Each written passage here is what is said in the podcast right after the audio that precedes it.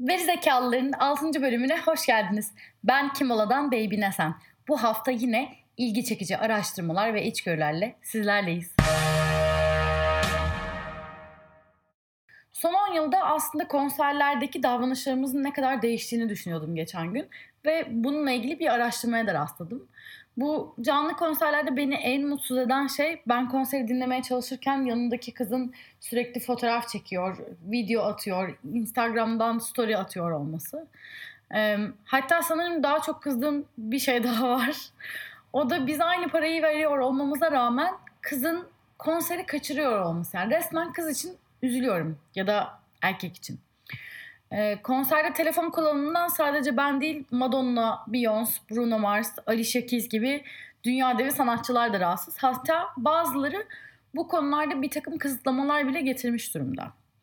Peki gittiğim konserleri mahveden bu story aşıklarının konserde benden daha mutlu ayrıldığını söylesem.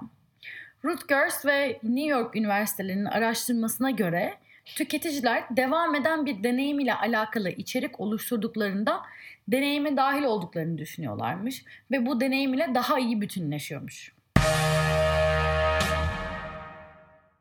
Geldik haftanın ikinci araştırmasına. Journal of Marketing Research'ta yayınlanan ve 273 şirketin 10 yıllık verilerinin incelendiği bir araştırmadan bahsetmek istiyorum.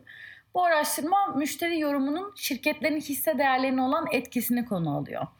Ee, araştırmanın sonuçlarına göre bir birim olumlu tüketici yorumu hisse senedi getirilerinde %0.56'lık bir artışa sebep olurken memnuniyetsiz bir birim artış %1.34'lük bir azalmaya sebep oluyormuş.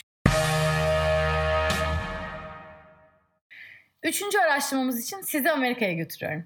Amerika'da Engine Insight'ın yaptığı araştırmaya göre Amerikalı tüketicilerin %54'ü stok endişesinden ötürü yeni yıl hediyelerini erkenden almayı planlıyormuş. Ekim ayında yapılan bu araştırmaya göre tüketicilerin %46'sı alışveriş yapmak için Black Friday ve Cyber Monday'i bekliyormuş.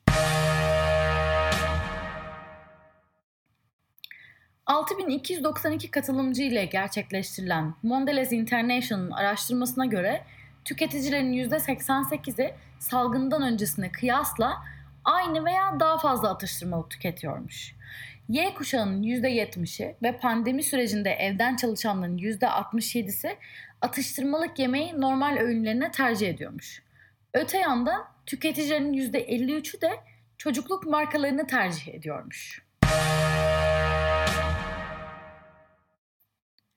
Sıradaki araştırmamız ben tek başıma et tüketmesem ne olur? Bir fayda sağlamaz diyen insanlara geliyor.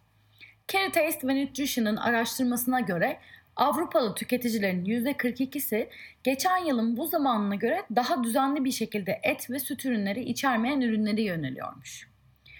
Ayrıca 3 tüketiciden biri de daha lezzetli vegan ürünler arıyormuş. Haftanın son araştırması ilgiyle takip ettiğim bir akademisyen olan Sinan Alper'in Twitter paylaşımından geliyor. Toplam Covid hasta sayısının 323 bin olduğu ve 2721 hastanın Covid sebebiyle vefat ettiği ve sokakta maske takmanın da zorunlu olduğu İsrail'de ilginç bir deney yapılmış. Maskesini düzgün takan, çenesinin altına takan ve hiç takmayanlara yalan söyleyerek para kazanabilecekleri bir oyun oynatmışlar. En fazla para kazanan yani en fazla yalan söyleyen grup ise çenesinin altına maske takanlar çıkmış.